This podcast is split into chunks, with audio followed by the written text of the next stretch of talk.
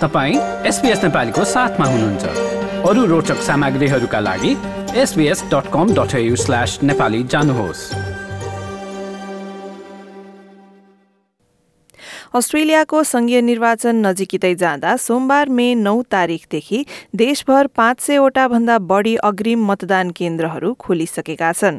यसपालि आधाभन्दा बढ़ी मतदाताहरूले मे एक्काइस तारिक भन्दा अघि नै आफ्नो भोट हालिसक्ने अस्ट्रेलियाली निर्वाचन आयोगले अनुमान गरेको छ। यस विषयमा सुनौ यो विस्तृत रिपोर्ट। तपाईँको समुदाय तपाईँको कुराकानी। एसपीएस नेपाली। राजनीतिज्ञहरू आफ्ना चुनावी अभियानमा व्यस्त छन् तर धेरैजसो मतदाताहरूले यी अभियान पूरा हुनु अघि नै भोट हाल्ने निर्णय किन गरेका छन् त सुनौ उनीहरूको भनाई I have a health problem, so that's why I come in. Always vote early because I I get dropped off and people pick me up, you see. I've come to vote early because I'm uh, leaving to fly to Europe on Thursday. So I'll not be in Australia uh, when the election is held. Always do that. We always do pre-vote here. त्यस्तै Covid उन्नाइसको जोखिम अझै रहेको हुनाले कतिले vote हाल्ने दिन मे एक्काइस तारिकमा भीड़मा नपर्नका लागि अगाडि नै भोट हाल्न सक्छन् यो कुरामा सहमति जनाउँदै रिड क्षेत्रबाट उठेकी लिबरल दलकी उम्मेद्वार Fiona Martin Because of the pandemic, I think most people probably feel more comfortable with coming and voting earlier so they're not in the big crowds on election day. I would certainly think that would be um, a motivator to come in and vote early.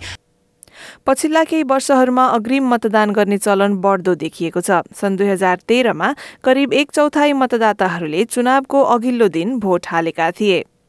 तीन वर्षपछि यो लगभग पाँच प्रतिशतले बढ्दै सन् दुई हजार उन्नाइससम्म चालिस प्रतिशत बढेको पाइयो। यो प्रवृत्ति यसपालिको चुनावमा पनि जारी रहने अस्ट्रेलियाली निर्वाचन आयोगका प्रवक्ता इभान एकिन स्मिथको भनाइ छ। Of course, we're conducting this election in a COVID pandemic. If you combine postal voting and pre poll voting at the previous federal election in 2019, it was about 40% of voters who turned out prior to election day. You could potentially see half the Australian voting population turning out before election day this federal election. आउँदो चुनावको प्रारम्भिक मतदान सुरु भइसकेको दुई प्रमुख दलहरूले पनि औंल्याएका छन् लेबरका प्रमुख एन्थनी अल्बनिजी आफ्नो अभियान गर्दै एडिलेड पुगेका थिए The bells are tolling.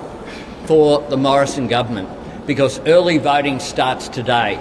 It says it all that the Morrison government have had a phone hookup with members of their caucus telling people to not vote early. We want people to participate in our democracy and to vote whenever is convenient. त्यस्तै प्रधानमन्त्री Scott Morrison भने new south वेल्सको Nowra स्थित एक नौसेना बेसमा थिए Right now today people are turning up and voting at pre-poll. um, over an hour right now, right across the country. And they're making a choice.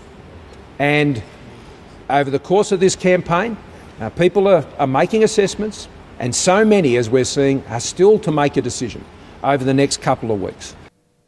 यसै सन्दर्भमा अङ्ग्रेजी आफ्नो पहिलो भाषा नभएका उम्मेद्वारहरूले भने थप सहयोगको माग गरेका छन् जमाल दाउद पश्चिमी सिडनीको रिड क्षेत्रबाट युनाइटेड अस्ट्रेलिया पार्टीका उम्मेद्वार हुन् उनी भन्छन् कि उनको परिवारलाई सम्पूर्ण मतदान प्रणाली बुझ्न गाह्रो भइरहेको छ my family, for example, they speak English, uh, but uh, they are struggling with the whole with the whole voting system, and we uh, think that the, the system should be even more simplified.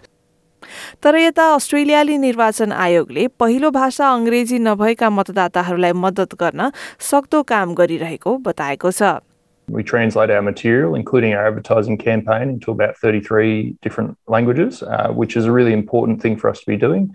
Um, and, and really, uh, we've got tools like practice voting tools on the website and a range of material that really explains it.